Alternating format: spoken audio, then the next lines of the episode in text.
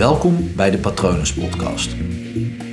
Mijn naam is Paul Vet en in deze podcast deel ik inspiratie voor een leven vol vrijheid en verbinding.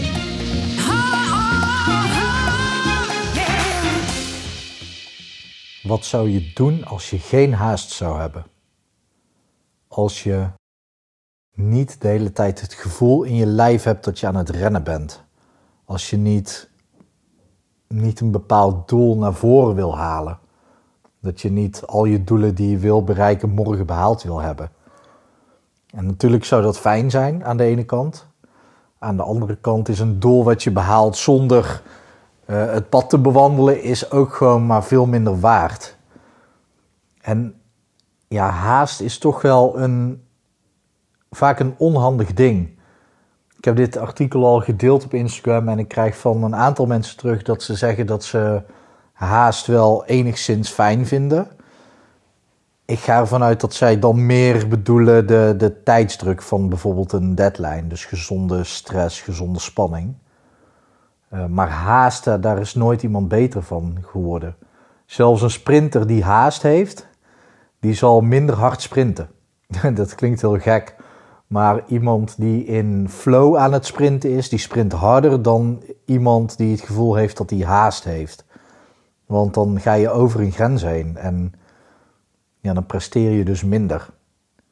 Het is heel, heel belangrijk om jezelf te beseffen. En haast is ook gewoon echt, echt zonde om in je leven toe te laten.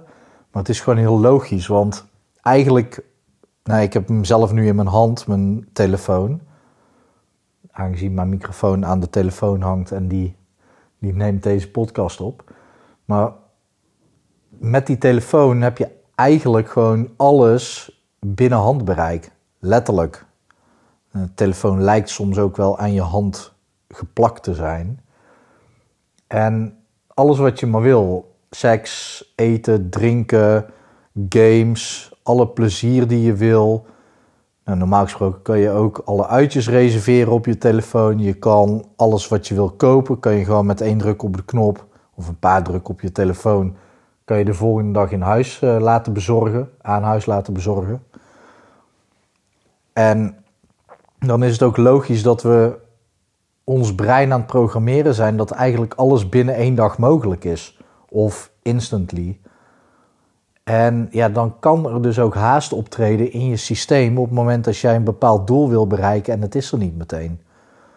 Maar goed, wat ik al zeg, de, de, de weg richting je doel, dat is wat een doel zo waardevol maakt.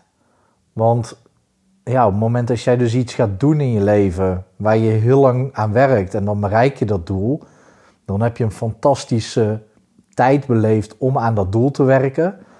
En je bent super blij en trots dat je het doel behaald hebt. Sterker nog, als je het doel niet behaalt, kun je nog steeds trots en blij zijn dat je het wel hebt geprobeerd en dat je er wel voor hebt gewerkt. Maar ja, doe je dat met haast, dan dan ben je dus niet aan het genieten van dat pad. Dan ben je eigenlijk elke dag aan het opstaan en kaart aan het sprinten om maar daar te komen. Nou, een grote kans is dan een burn-out.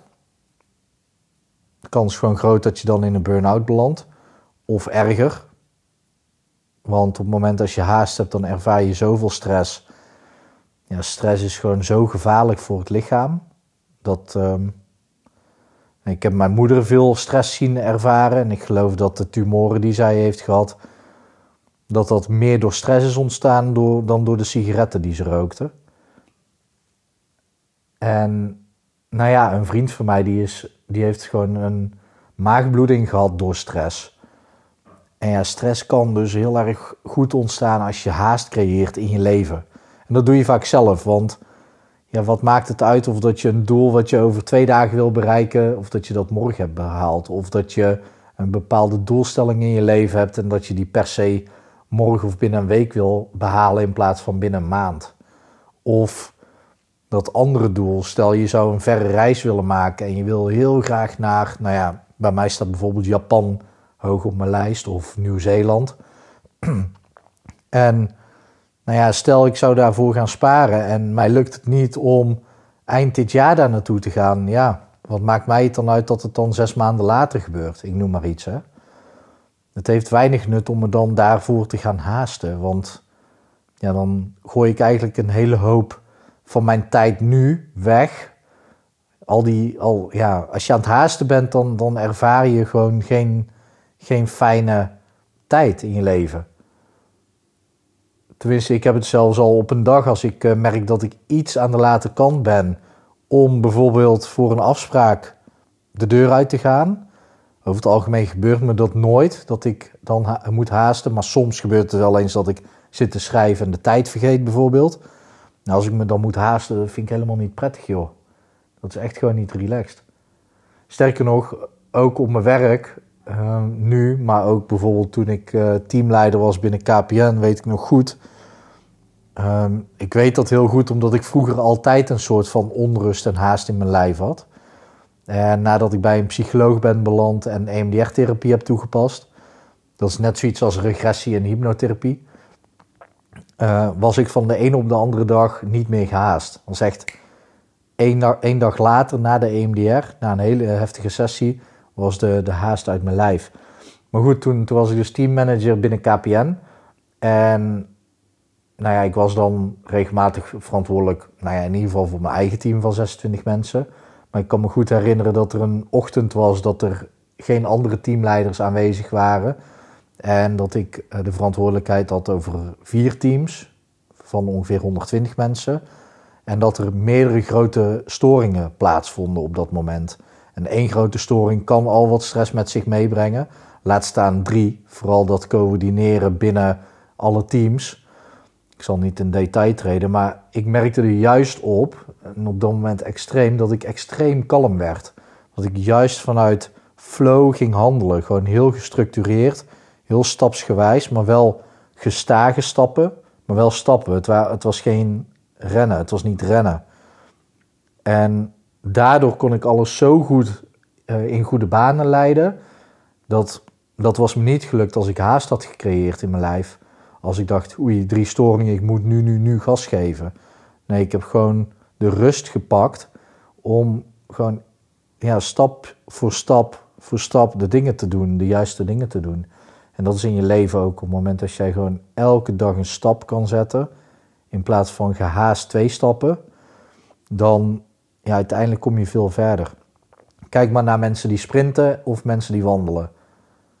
Als jij een sprintje trekt, dan hou je dat zoveel honderd meter vol. Ik weet niet hoeveel. Ik weet ook niet hoe fit je bent. Maar ga je wandelen, weet ik zeker dat je veel verder gaat komen. En dat is eigenlijk wat haast en onrust in je lijf doet. Ik vraag me of dat jij wel eens haast ervaart. En of dat je dat misschien wel de hele tijd ervaart.